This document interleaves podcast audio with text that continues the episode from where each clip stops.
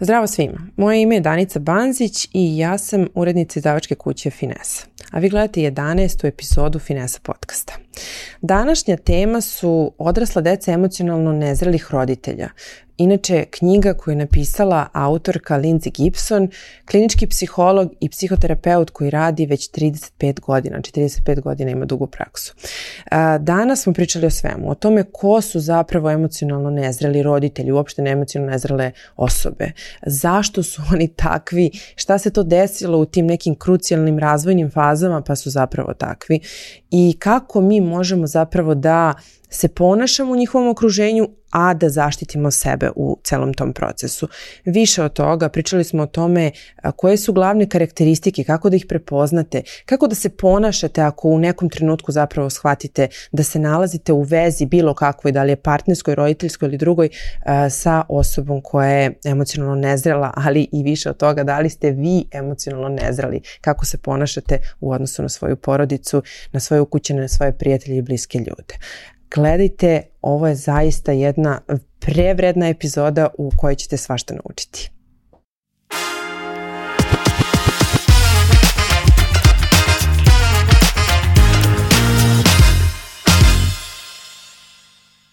So you asked me why do people resonate that much uh, with your book here in Serbia, and um, I was thinking like, okay, living in Balkans generally, like you're living, living actually this book, like emotional immaturity of the parents, of the people, like in your life. Okay.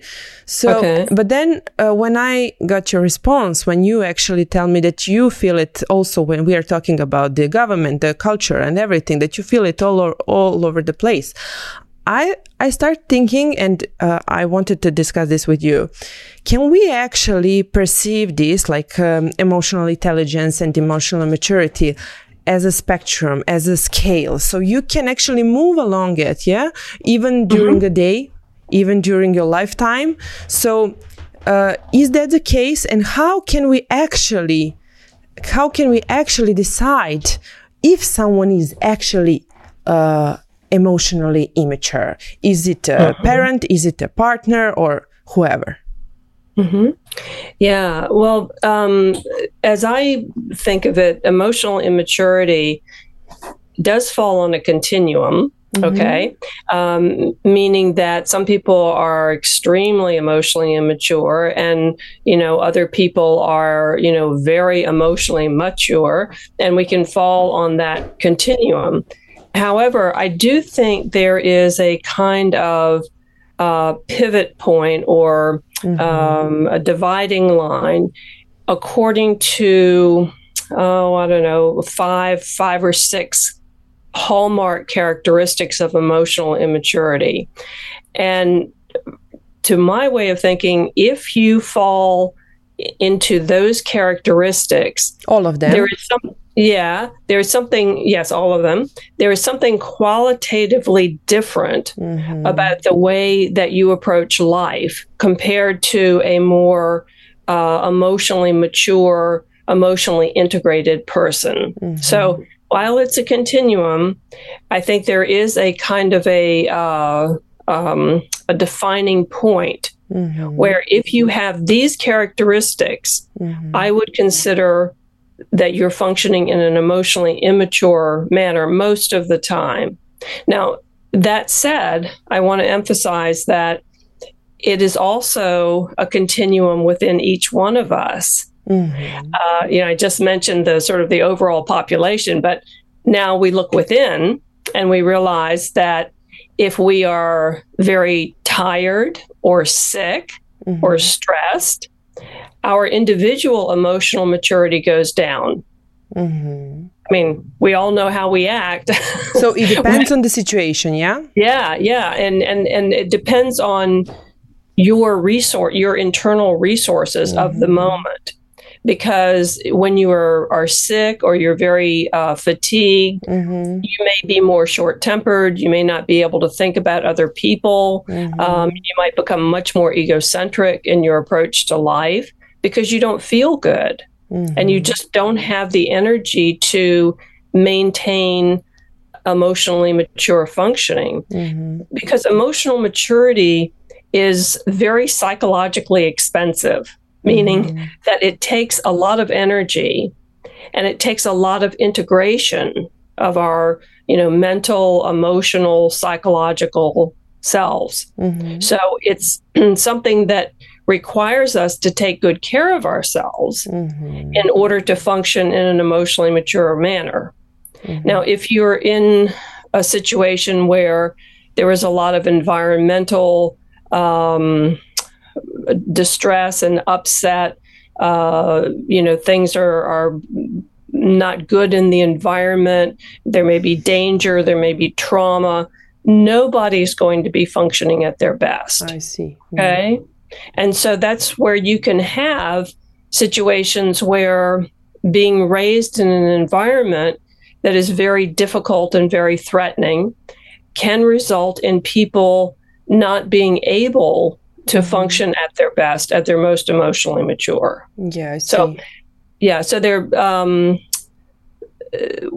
w- would you like me to uh, just mention the hallmark characteristics of here? Of course, great. That's great. Okay, I, I, think that would fit in. Yeah, yeah. So emotionally immature people uh, are very egocentric. Mm-hmm. They're very self-focused, self-preoccupied. Everything is about them. Mm-hmm. Every conversation ends up going back to being about them.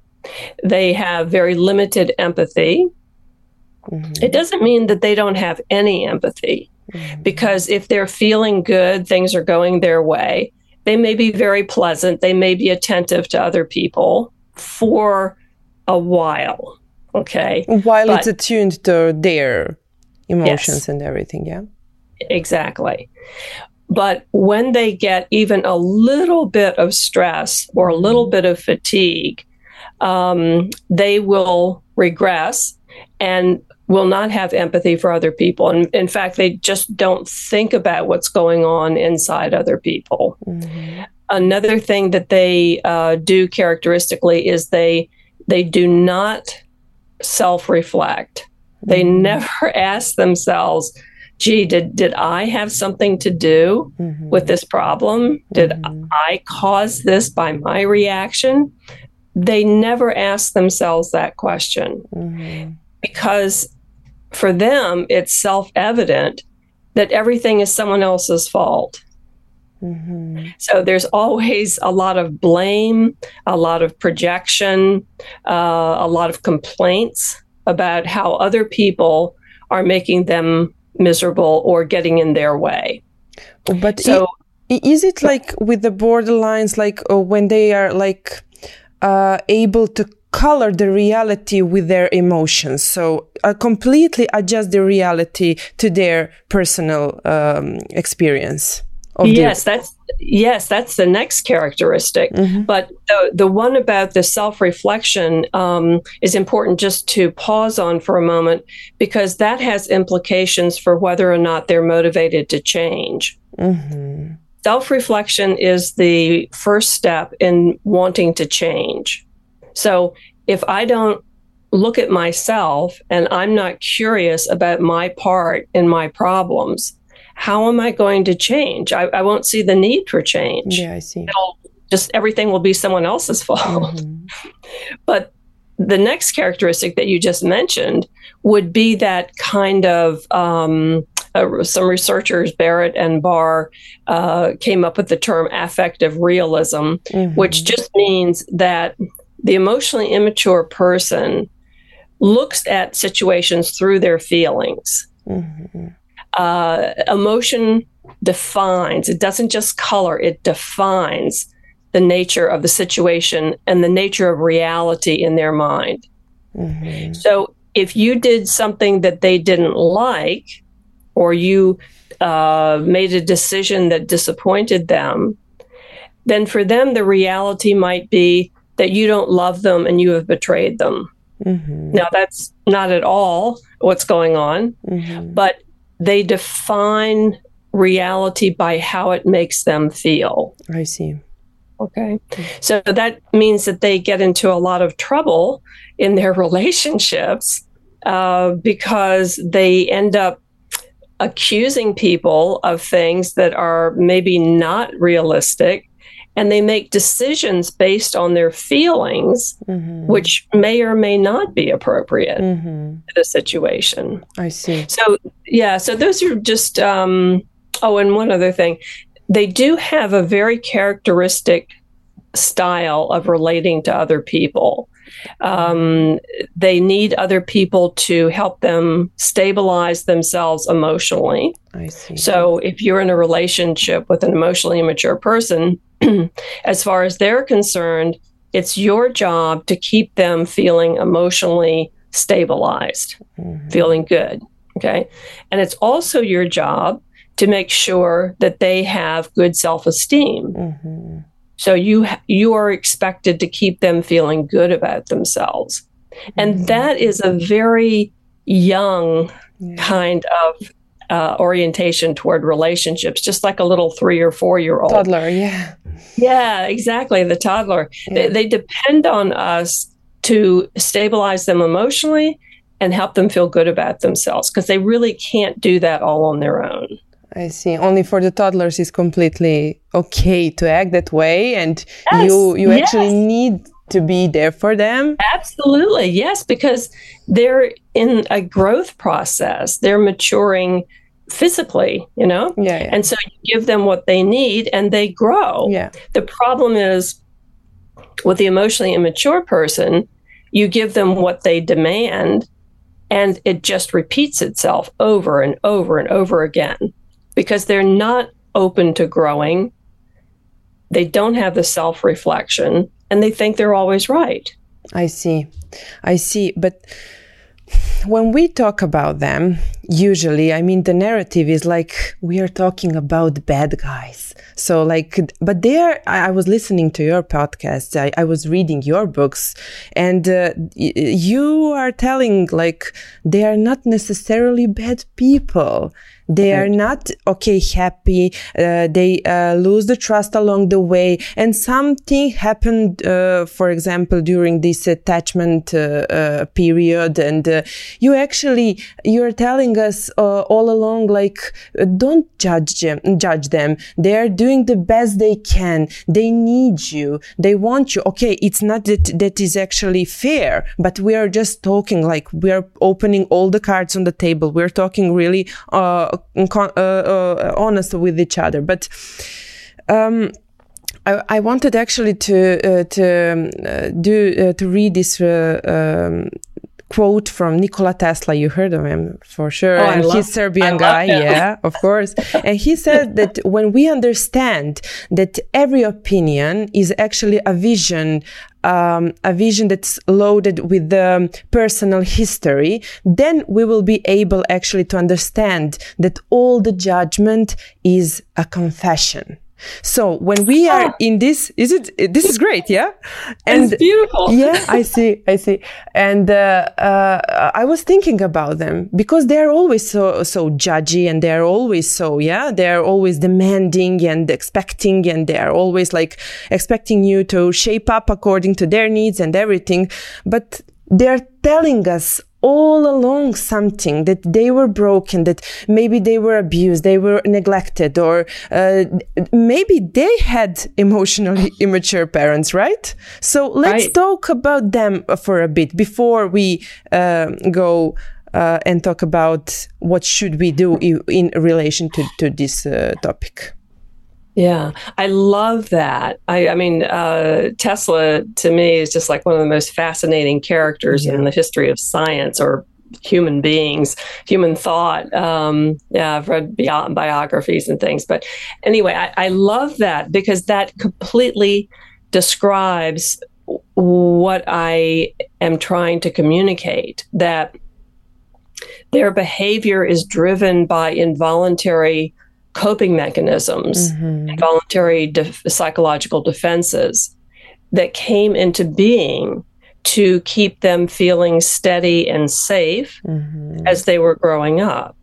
And so, yes, you know, to use the example uh, from earlier, when you have an emotionally mature parent who, when you say, uh, you know, mom, I, I don't want you to do that with my daughter or my son. I want you to do it this way. The mother hears, uh, I don't love you and I want you to leave now. Okay. Yeah. Because that's what it feels like to be corrected. Mm-hmm. So, that, according to Tesla, would be the mother's confession yeah. that I could never do anything right with my parent. And I was always being rejected as not being smart enough or good enough uh, to be included in the family. Yeah. And isn't that tragic? I mean, but it's a way of understanding that, yes, the emotionally immature person is helpless, really, before their defenses. They, yeah. There's nothing that they can do about it until they start asking themselves some questions about mm-hmm. their functioning. And that's where that self reflection comes in as a as a way to help them change. So if we have a listeners or someone who actually uh, likes this book and the topic, so if if they actually recognize themselves, but on the other line of this conversation, like being the immature, uh, emotionally immature. So just the state of realizing that you are probably emotionally immature is a great moment like you're you, it's the starting point so it's actually good yeah? So what oh, would you what would you say if someone is listening at this moment and start like uh, recognizing uh, the patterns of the behavior and everything and start uh, actually questioning himself what would you say? Yeah. Well first of all i bet everybody listening is going to have that reaction at least, at least that's been my experience where people, yeah. when they really love the idea and they really think about it, they say to themselves, "Oh my gosh, there was that time I, I said that to yeah. my child," or yeah. uh, "Oh, there was a time when I lost my temper, and you know, uh, maybe I'm emotionally immature, and maybe I'm damaging my children." So you can have moments of emotional immaturity because we all get tired and sick and stressed, yeah. right?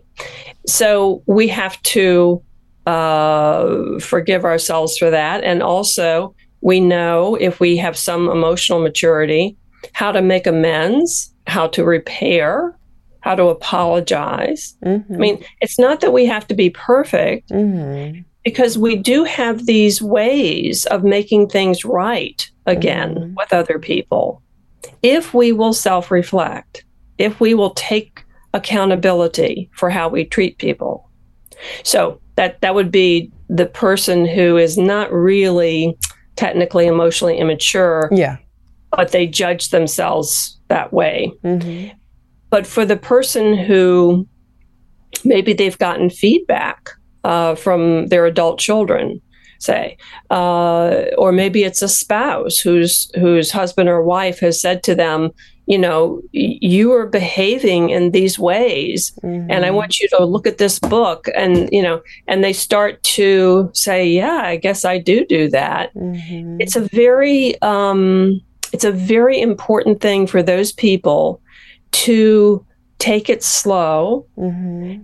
and just admit that they have some things to work on mm-hmm. and trust that someone can help them with that. Mm-hmm. You know, it's like uh, I couldn't really, um, you know, uh, do a good job of, of combing my hair in the morning unless I had a mirror. Mm-hmm. So, so we need other people to give us feedback. Yeah.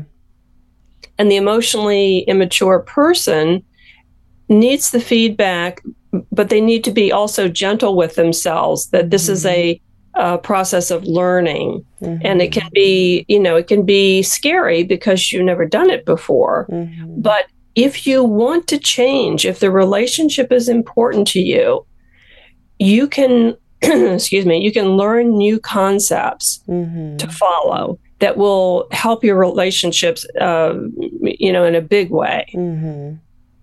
That's that's great. But um, when uh, you are talking about them, usually like they're most they're naturally gravitate toward the people who have this secure attachment style yeah? They need them or someone who will or maybe anxious who will starting uh, who will always adapt to their needs and everything and put them ahead of themselves and everything. But from your practice, uh, have you seen ever in your practice people like that, that they are both emotionally immature and that uh, they can actually exist in the in the in the relationship that they can actually I, I, adapt to each other because I was thinking to, today about it and but if I'm emotionally immature and my par- partner is emotionally immature and we de- uh, demand of uh, ourselves like oh put me first. No no no put me first. So how it's go? I, I mean I, I, I cannot imagine like that they that couldn't be the case yeah? Or do you have them in in your practice? Well uh, I think that's why we have such a high divorce rate. oh, yeah. you know, uh, when you get two emotionally immature people together, sooner or later, after the um, initial attraction and happiness, uh, they begin, like Tesla says, to uh, confess their uh, unresolved issues with each other in the form oh, of judging, blaming yeah. the other person. Mm-hmm and so then there can become you know this um, this power struggle mm-hmm. and this mm-hmm. mutual blame that never resolves so mm-hmm. you know they split up but what can also happen is that an emotionally immature person and a person who is still not fully emotionally mature but is really more um, more mature than the emotionally yeah. immature Mm-hmm. They get together maybe in their early 20s mm-hmm. because. Mm-hmm.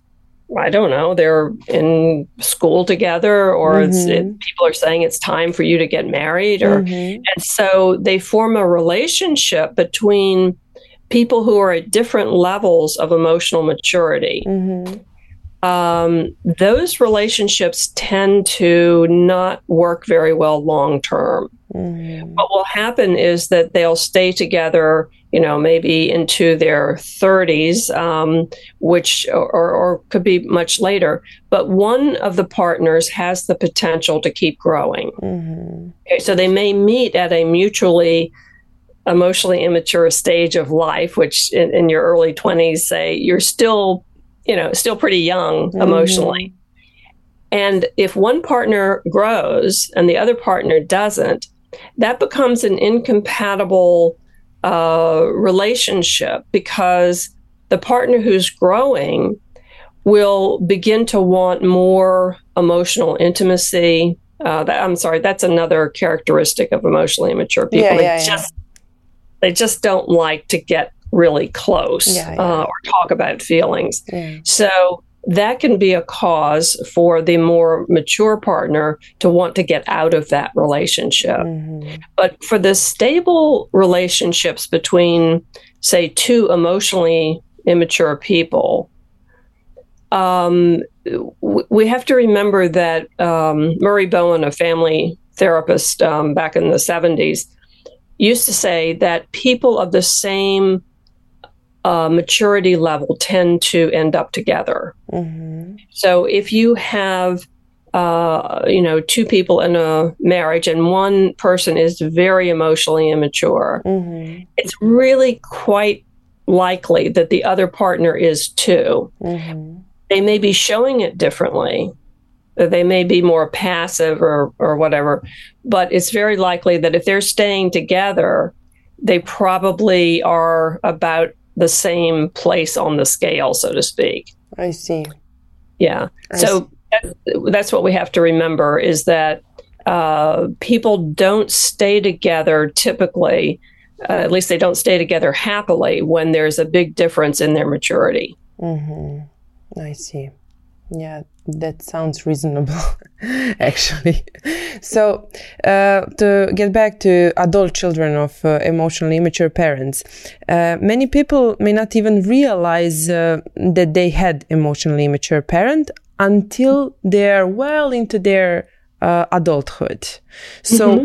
what are the triggers or events that actually uh, bring them to this realization? Mm-hmm. Well, I, I think, you know, when you're uh, in your teens and in your 20s, you're you're uh, by necessity very absorbed in creating your own life as an adult, as an as a young adult. Mm-hmm. So there's a lot of there are a lot of things to do. There are a lot of uh, requirements to fulfill. And so a person may not be ready to reflect on mm-hmm. their childhood or on their on their current relationship with their parents because so much other exciting stuff is going on. I see, yeah. Uh, but once they start to uh, begin to form uh, uh, deep relationships on their own, or they really begin to feel like, hey, I'm an adult now. I know my own mind. I have the right to my own life. I'm living in my own apartment now, or I'm married. Uh, and then the parent is still treating them as though they're a child, or the parent is still trying to control their decisions. Then it begins to stand out to them mm-hmm. that this is very hard to take. Um, mm-hmm. This is mm-hmm. really unpleasant. Uh, the relationship is not something that they enjoy. Mm-hmm. They really, uh, you know, maybe they don't want to admit it, but, you know, maybe they don't want to spend time with their parent because it makes them feel like, you know, they're back in, in their childhood role. Um, and here they've already grown up. Mm-hmm. So, um, that's one thing. But the other thing is that many times adult children of emotionally immature parents have a lifelong sense of emotional loneliness. Mm-hmm. I mean, that's that's like the undercurrent that goes on in their lives in a way that you know uh, not not many things touch it it's a constant sort of feeling and uh, almost an existential feeling about being in the world alone. Mm-hmm. And that comes from, I think, um, that comes from a childhood in which you have a parent that isn't good at making an emotional connection mm-hmm. with that child, to, to be really attuned sensitively to that child's emotional needs. And so the child grows up feeling like um, you know they had they had everything they needed. Their parent took care of them when they were sick. Mm-hmm. they went to school. They had a roof uh, over their head a, exactly. that's yeah. a yes that's a big one. Had a roof over my head and meals on the table. Yeah. I should be fine. Yeah. Thankful and everything yeah. yes yes. But if you don't have that emotionally intimate connection where you feel like you can look in your parents' eyes and tell that they get you, that they know you, and that they are receptive to you. They're interested, they're curious about you. They're treating you like you're real inside. If you don't get that, you I mean, I think this is biological. It's brain. It's it's not not some concept. It's it's in our brains that if we don't get that, we have a kind of a dysphoria, mm-hmm. uh, you know, a, a low mood, a loneliness that is there underneath because our brains, our hearts are not getting what we are designed to need. Mm-hmm. Yeah. I see. Well, isn't it making a fertile ground for the child with this sort of parents to actually become once again emotionally immature? That's a fascinating question. I will let you know when I come up with an answer for that because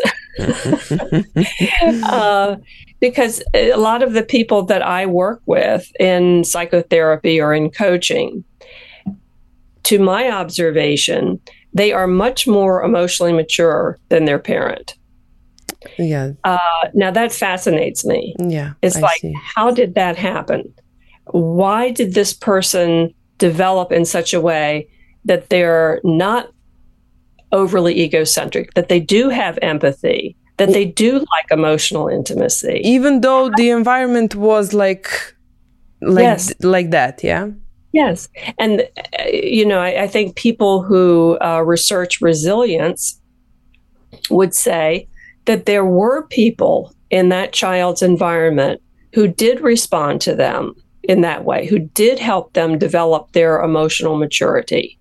So that would be, you know, based on research, and if we said that emotional maturity is kind of like resilience, we would say mm-hmm. there probably were people who stepped in and related to that child in such a way that they grew those parts of them that maybe the parent could not help with.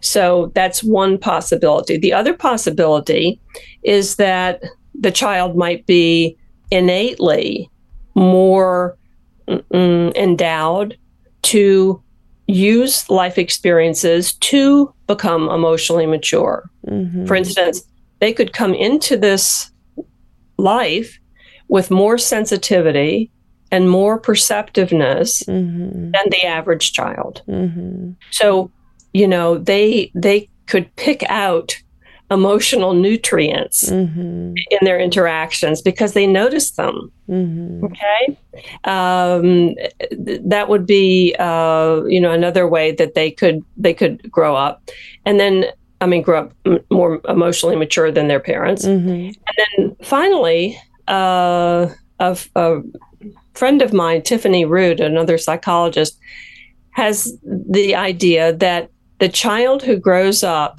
more emotionally mature than anyone else in their family has probably been identified at an early age mm-hmm. as the caretaker mm-hmm. of the mm-hmm. parents. Mm-hmm. Okay.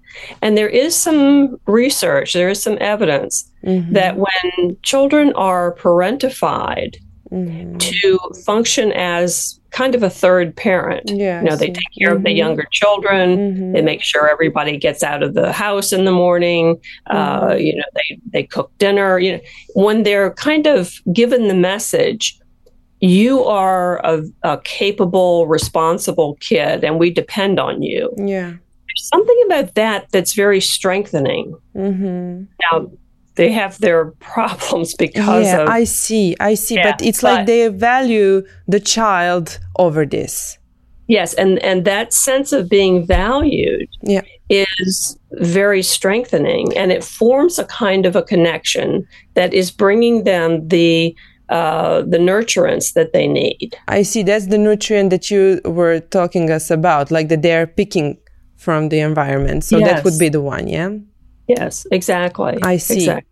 But talking about the family dynamics, it can be really complex. So there may be siblings that can perceive the dynamics of the family and uh, they can have different perception and uh, different experiences about the parents, about their uh, emotionally immature parents. So, um, how do family roles or uh, a birth order uh, can play into this topic? How can you, how do you see it? Mm-hmm. Well, um, I haven't uh, found necessarily that uh, you know that there it's always a certain birth order, but I do notice that a lot of my clients have been the eldest child. Mm-hmm. Um, and I think that we get back to what we just discussed that maybe they have been valued mm-hmm. by the parent yeah. as an effective individual child, mm-hmm. um, where the parent gives them feedback that you are uh, smart enough, strong enough, mm-hmm. wise enough to handle these things I'm making you do. Uh, so that that's a possibility. Mm-hmm. Um, but what we what we need to think about is the original nature of the child. I, I broke it down into internalizers and externalizers, mm-hmm. two you know major types of adult children, mm-hmm.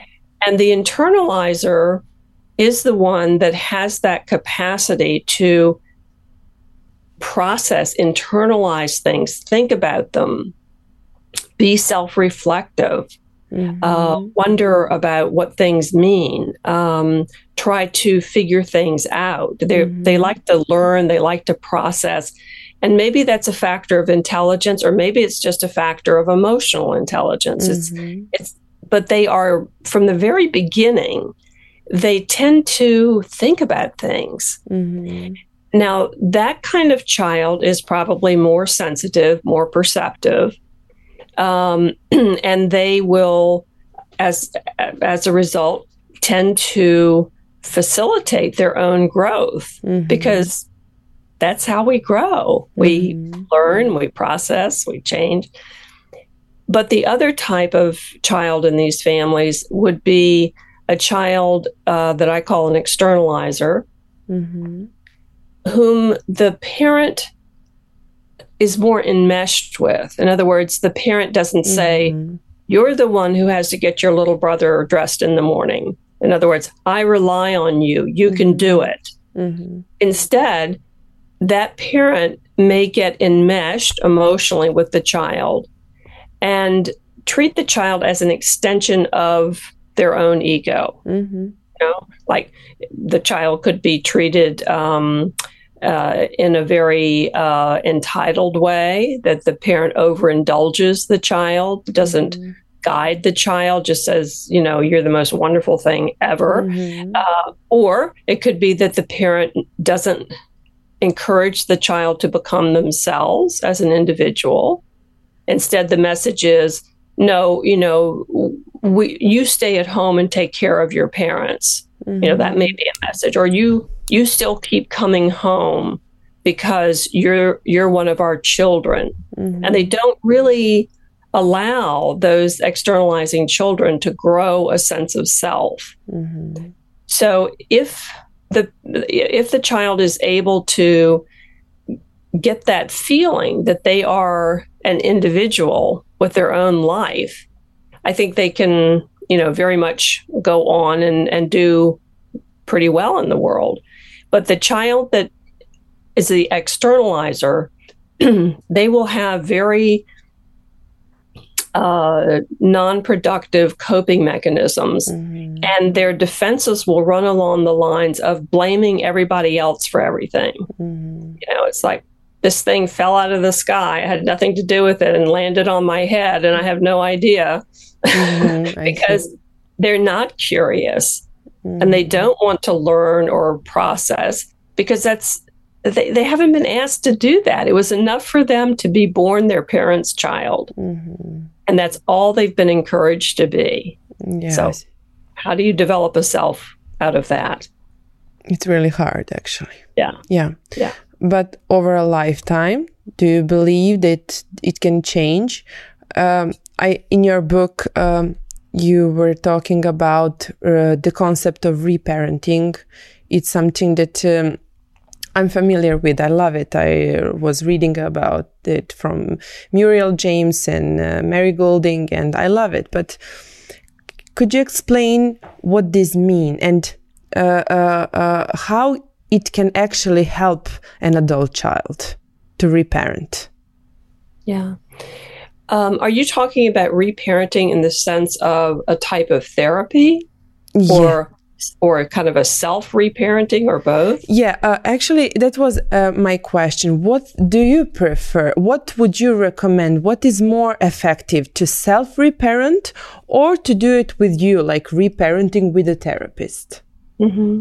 Yeah, well, I think uh, if you have a therapist who understands that's what you're doing, I think that is probably the the deepest and the most effective way of reparenting yourself with a but, therapist. Yeah, mm-hmm, mm-hmm. yeah, because in that relationship with the therapist, you're going to be reenacting, re-experiencing uh, the feelings and the fears that uh, have come about in your life, and and that therapist will keep pointing you mm-hmm. toward what does that mean? And mm-hmm. uh, what what did you feel and what's that about? And why is there anxiety around this issue? Mm-hmm. and you're not going to be able to do that so much with if yourself. yeah yeah yeah.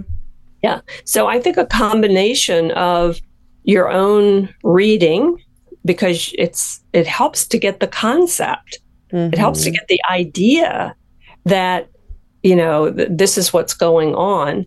But then to work through the feelings and how you deal with feelings and relationships, I think a therapist can be enormously helpful. Mm-hmm. But I will say that if you end up with a therapist who is really strictly looking only at cognitive mm-hmm. behavioral stuff, okay? Yeah they're not going to be getting into the emotional areas that I think a person needs to explore. Mm-hmm. Um, because this very much in my mind is associated with parts of the brain mm-hmm. that are very linked to the emotional centers. Mm-hmm. Um, and if you're, I mean, I'm not saying that cognitive behavioral therapy doesn't work and mm-hmm. isn't successful uh, with a lot of things, but when you're trying to emotionally mature yourself, mm-hmm. I think you have to have someone who is aware of the emotional components as well. Mm-hmm. Mm-hmm.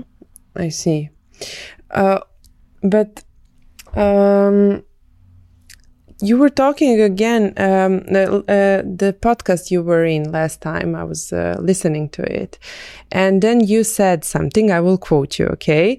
Uh, i find it really interesting so i wanted to uh, listen a bit more about it. So you said all narcissistic personality disorders are emotionally immature but certainly not all emotionally immature people are narcissistic. Mm-hmm. so can you tell us a bit more about it. Because yeah. we we certainly live in an era of narcissism yeah? It's all over the place. It comes from from all of the our screens yeah? And from telephones from television from all over the place like i said. So and um, many authors these days are pointing that out. For example, Dr. Ramani, Durvasula Ramani, she's talking aloud about it and uh, trying actually to to emphasize that some, sometimes how we are victims of some narcissistic persons all over the place. Like so. Uh, and then I was listening to this podcast and you said this, but you didn't go more into this. And I wanted to listen a bit more about it. So yeah. how come? Okay. So narcissistic person is emotionally mature. Okay, quote. So, but uh, what about an emotionally immature person does not have to be narcissistic, yeah? Does not to have narcissistic disorder. Right. Yeah, the way I look at it is that emotional immaturity is like an umbrella term mm-hmm. uh, for a lot of different personality styles. A mm-hmm. lot of, um, yeah, a lot of uh, personality styles is probably a good way to put it. Mm-hmm. Um, because you could have, uh, if you looked into the the um, diagnostic manual that we use in the United States, you know there are all these personality disorders mm-hmm. and so mm-hmm. forth, and you could say with with any kind of personality that has ingrained characteristics that are repetitive and maladaptive, mm-hmm. that that is probably a sign of emotional immaturity, meaning that the person's development psychologically didn't go well. Mm-hmm. And they got stuck in certain defensive patterns and self images, et cetera, that really have not been adaptive uh, to adult life. Mm-hmm. And so I, I like the term emotional immaturity for working with people because it enables me to discuss these characteristics without calling their parent a name mm-hmm. you know i see because, yeah because if you say you know your mother your mother is uh, a narcissist or mm-hmm. your father is you know clearly mm-hmm. borderline mm-hmm. um, you know we love our parents we we take that personally uh, we don't like having them diagnosed or mm-hmm. or called names we want to understand their behavior. And so I think that's what using that term emotional immaturity does is it helps them to look at their parents' behavior in a certain light without pathologizing it. Mm-hmm. Okay. But back to your question about narcissism. Narcissism is just one solution to uh, a developmental issue that didn't get solved, mm-hmm. didn't uh, didn't go well. Mm-hmm. Okay, you m- might, under different conditions, that person might have developed uh, a borderline personality disorder, mm-hmm. mm-hmm. or uh, that person could have, you know, developed some other kind of uh, personality disorder. But it's a it's narcissism is a it's a solution that actually works very well in Western civilization. Mm-hmm. Actually, I shouldn't even say that. I should say it really works well worldwide. Mm-hmm. Yeah, we can see it. Yeah. Yes, because you have people who, uh, you know, are they appear to be, you know, extraordinarily self confident. Mm-hmm. Uh, they always think they're right, and they usually have a fair amount of charisma mm-hmm. because there's something about it's just like with three year olds. I mean, they're mm-hmm. so adorable, you know. they just do whatever you they cannot want. stop looking at them. Yeah, you cannot stop looking at them. They're so cute. and the and the narcissistic person, uh, you know, tends to get stuck somewhere in there, uh, and they've probably gotten feedback from a parent that there's something about them that's truly special. Mm-hmm. You know, and so they carry that forward. And you know there we have our you know charismatic leader or dictator or you know religious leader whoever uh, who actually doesn't have a sense of uh, empathy or compassion for other people. It's all very self-centered but uh, but it, it can be very attractive on the front end. Yeah. I see. Uh, how actually uh, like living with um, being actually the adult uh, children of emotionally immature parents how it affects the emotional relationships. Yeah. It has a profound effect um, because the adult child of these parents grows up believing that other people's needs and feelings are vastly more important than their own. Uh, they grow up with the belief that uh, they are supposed to meet the needs of these other people, and yet they get the feeling that they can never do enough. And so, if the other person is unhappy or dissatisfied, the adult child will tend to take that personally, take that to heart, and feel like it's up to them to work harder. I'm responsible, yeah. I'm responsible, yes, because emotionally more mature uh, people with these parents will self reflect mm-hmm. and they'll say, Gosh, you know, uh, mom wasn't happy with that. I didn't, apparently, I didn't do enough. Mm-hmm. And I wonder what's wrong with me mm-hmm. that I didn't do enough. Mm-hmm. Maybe I'm a selfish person. Maybe I'm not mm-hmm. able to love in the way that I should be. And that's not the problem at all. The mm-hmm. problem is that for their emotionally immature parent, love means that you uh, completely ignore yourself and give all your attention and energy to me mm-hmm. because I am the most important person in this relationship. Mm-hmm. And that's what the adult child of an emotionally immature parent learns at a very early age. And that keeps being reinforced in their interactions with the parent, which is, you don't matter as much as I do. So is this, is this the reason why they usually pick up the partner who is such a so similar to their parents, Im, immature parents, emotionally immature parents? Yes, usually. Yeah, if if they're in a um, if the way that they adapt to that parent is to question themselves and then to become increasingly passive, meaning that uh, they keep trying to make the other person happy or they keep trying to put that other person first. Yeah then they they end up uh, re- repeating that in their choice of partner. Another thing that happens is that they're given the message that it is your moral obligation mm-hmm. to give me what i want yeah even at great even at great cost to yourself. Yeah. Like yeah, yeah. you're bad. Yeah, yeah you're bad if you don't give me what I want when I ask for it. Yeah. And that is so confusing. You know, it's mm-hmm. like the person thinks, well, I, I, just, I said no because I, I, you know, there's this other, I, I can't do it. I, I had to say no. But the parent gives them the message, yes, but, you know, if you really loved me, and if you were a good person, that's the moral obligation, uh, you would make this happen. You would give me what I want. Exactly. So, uh, about the cultural background, so I need to share this with you. Uh, in February, I had the seminar with Tony White.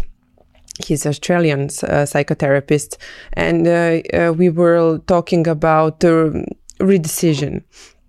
And uh, then we were sharing some examples about from our culture and emotional immaturity. And uh, he was actually so fascinated with the fact that we talk with our parents, for example, at least for three, four, five times a day per day, that we usually live really near them, like in the same street or two way streets from from our house and that they demand all sort of things uh, from us and that we are actually responding to this and uh, we do have this obligation moral obligation and feel that we need to if uh, mama calls you 10 times per day, you need to respond 10 times per day, mm-hmm. even though you have uh, your own family and your own uh, dynamic, you know. So, but that, that's the thing. And I saw that he was so surprised and he was like, Oh my God, is this like only in Serbia? Okay. Is this in Balkans? Because it wasn't the, the case in Australia.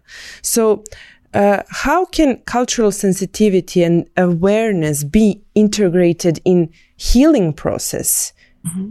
If you are adult uh, uh, child, child of uh, emotionally immature parents, mm-hmm. yeah. can it be the fact? Yeah.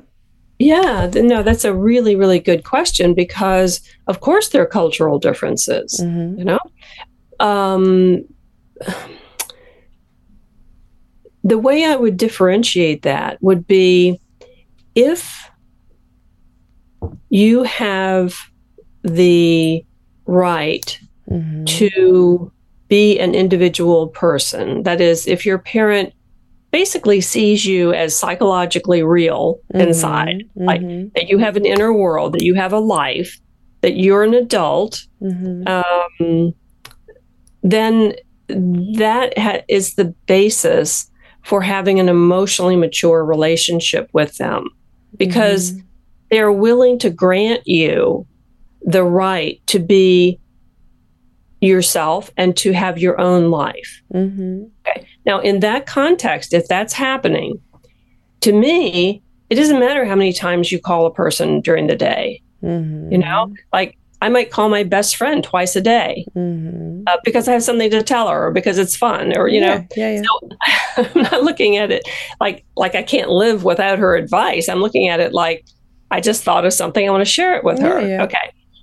Uh, but if the parent is calling 10 times a day and gets very upset when the child says, uh, Mom, I'm, I'm in the middle something. of yeah, yeah. Uh, can I call you back? Or, Mom, I can't talk right now. I'm getting ready to get in the car to, to pick up somebody. If the mother makes the person feel like they're being uh, morally bad or that they're being unloving, that's where you get into uh, signs that the relationship is based on this emotionally immature contract mm-hmm. that you're supposed to be there to help me maintain my emotional equilibrium. Mm-hmm. That's a reversal of roles. Um, and it's something that most people don't enjoy being on the receiving end of. Mm-hmm. So, uh, to me, it would be we can have all kinds of cultural differences. But if, uh, for instance, uh, I was watching a um, there's a uh, documentary now on David Beckham, the the soccer player. I saw it. Yeah, I saw star. it. Yeah, yeah, mm-hmm, yeah. Mm-hmm. And and his mother at one point says, "What are you going to do?" He's an adult, and I thought, that's it. she recognized that he had the right to make decisions about his life, even if she thought it was a bad idea. Mm-hmm. And that's the emotional maturity. I grant you the respect for having become an adult and having your own life. Mm-hmm. So to me, it's not in the number of phone calls, it's not how close you live to someone. It has to do with are you able to be both close and honest with each other about your feelings and needs and to um, maintain a sense of individuality and have that be respected both ways. Mm-hmm. Okay, and um, as a closing question or two, uh, if somebody listens to this and uh, recognize uh, herself or uh, himself like uh, they have a emotionally immature partner or parent so what would you uh, actually recommend to them? What what would be your first advice? Like okay you were listening to this you suspected something and then now you realize that your partner or parent has like everything checked like that check check check check check. Mm-hmm. everything is checked. So what would you say? I, I remember one time that uh, uh, you said like uh, observe start observing like how they actually uh, connect with you, how they treat you, etc. But w- w- what would you say now? Mm-hmm. Yeah, um, that would be the first step. Yeah, observation. Uh, yes, observation. But I think um, even maybe before that, uh, for instance, let's say that a person was walking through the bookstore, or maybe they were uh, online and and they came across a book, yeah, such as mine, mm-hmm. that had an idea that spoke to them, mm-hmm. and then they start reading mm-hmm. and and they get the concept. Oh, this is a thing. Mm-hmm. Uh, I I can learn about this. I can understand this. Then they are in a position to go back with that information, with those concepts into their relationship and observe whether or not this person in their life is behaving in this way. Mm-hmm. Okay. It's, it's kind of like uh, you have to observe, but you also have to have the idea of what you're observing. Mm-hmm. Uh, otherwise, you know, if you you don't know what you're trying to pick yeah, it out, would be confusing. Yeah, I see. Yeah, mm-hmm. yeah. So uh, when the person observes and and they detach mm-hmm. from the emotional uh, reactivity of the other person. Mm-hmm. In other words, mom gets upset because I didn't want to take her call mm-hmm. after five calls. Excuse me. Yeah. So if mom gets upset because she doesn't, because I don't take her call, then you would pull back instead of you getting reactive mm-hmm. and say, Oh, I'm so sorry, or getting angry, like, Well, what mm-hmm. are you mm-hmm. talking about? I mm-hmm. took your mm-hmm. first four calls.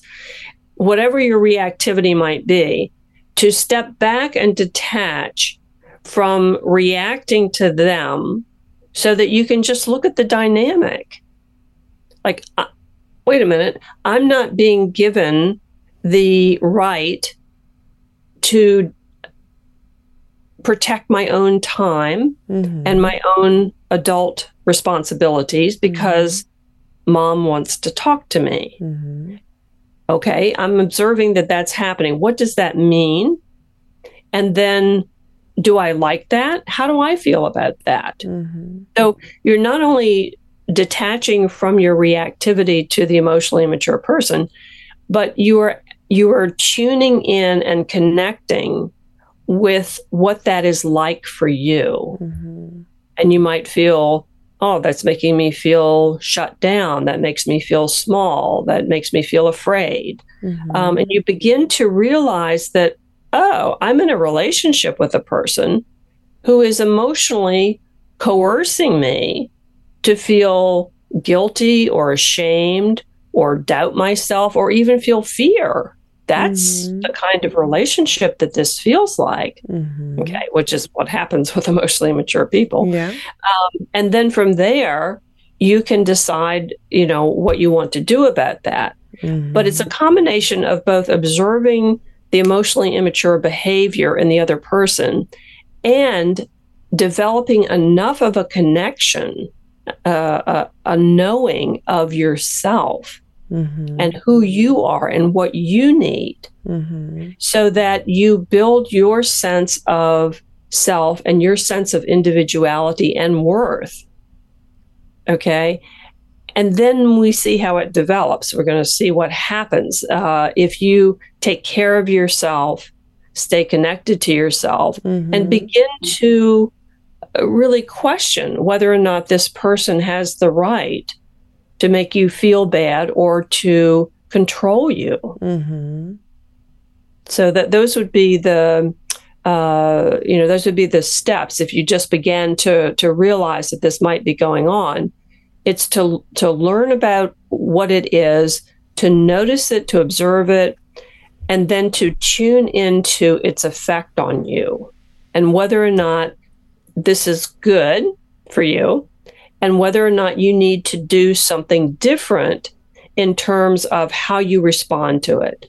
Because maybe it's not a good idea to keep accepting the phone calls mm-hmm. when inside it's really making you feel angry mm-hmm. or frustrated. Anxious, yeah, I see. Maybe you want to try a different response and see what happens because when you begin to be more assertive about your own needs, yes, the relationship, you know, has to change. It it hopefully will mature. Mm-hmm. Uh, it may not. I mean, if the person gets very upset with you, uh, but you are no longer agreeing to, you know, uh, shrink yourself in order to have the relationship. That that's not a good deal. So I believe that you need to load yourself up with a lot of self compassion. So and yes. okay, yes. self compassion at the Thank first you. place, and then you can actually move along and do do the thing that you actually now recommended. Okay. Uh, so the last two questions are uh, personal in a way that I wanted to ask you who inspired this this is something that we do usually at the end of the the, the podcast.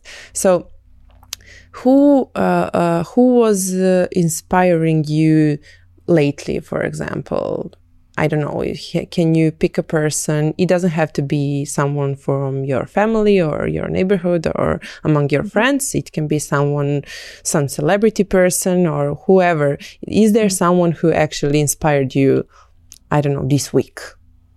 Yes, yes, definitely.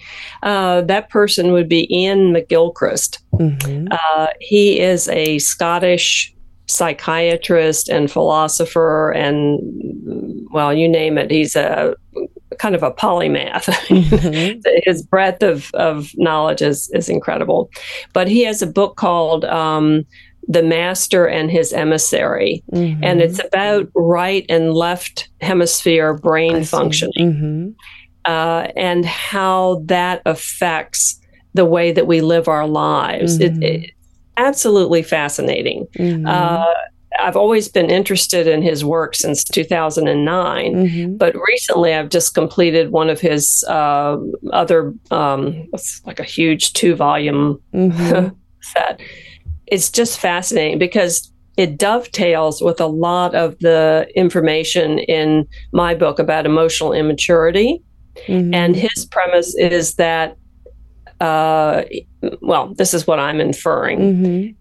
that actually emotionally immature people are focusing on one part of their brain, the mm-hmm. left side of the brain, mm-hmm. to the exclusion of their emotional awareness, which mm-hmm. tends to be more in the right hemisphere. Mm-hmm. And this has really uh, dire effects, not only on the children of those mm-hmm. people, but when it becomes more of a uh, approach of civilization where industry, technology, social media, you know, these things that are very mechanized mm-hmm. become more important than our connections with ourselves and with each other. Mm-hmm. And his his uh, descriptions and arguments for that are, to me, just fascinating. Oh, great! So I, I guess that the next question uh, question will rely on on this one. What are you reading these days? But I guess that's it. Yeah. yes, um, actually, but uh, I'll tell you the the latest book that that came to me this morning. Yeah. Uh, from Amazon, uh-huh. and it's called the Oxford what is it? The Oxford Book of Psychology and Spirituality. Oh, Yeah, and is by that something Lisa, new? Yes, it's uh, edited by Lisa Miller, Mhm. and she is a, uh PhD psychologist who's I don't know. She's published like you know over fifty articles on Mhm. spirituality, oh, no, on the mental health benefits Mhm. of Of spirituality. spirituality. Yeah. Yeah. And so I'm really looking forward to diving into that because I think that all of this helps to put us in touch with these deeper parts of ourselves, Mhm. whatever that is. Mhm. And it does have this quality of enlarging our our sense of self and our uh, sense of well-being in the world Mhm. uh, when you can combine those things instead Yeah. of being so uh, you know mechanistic and logical about it. I see. I see. Okay, so have you seen your book? The cover of it in Serbian? Yes. Yeah. Yes. it's wonderful. yeah, Thank it you. is. It is. It's beautiful. Okay. So, uh, Lindsay, thank you so, so much. I hope that you will visit us in Belgrade. So, uh, we will bring you to, we will take you to Museum of Nikola Tesla. And, uh, yeah, we will make a tour. And, um, please don't forget my, my proposal for, for the seminar. I, I, I think people would love to hear much, much more about this. So think about it. We will uh, email each other and stay in contact. Okay. Thank you so wonderful. much. Thank you for having me. No. Take care. Okay. You too. Bye. Bye.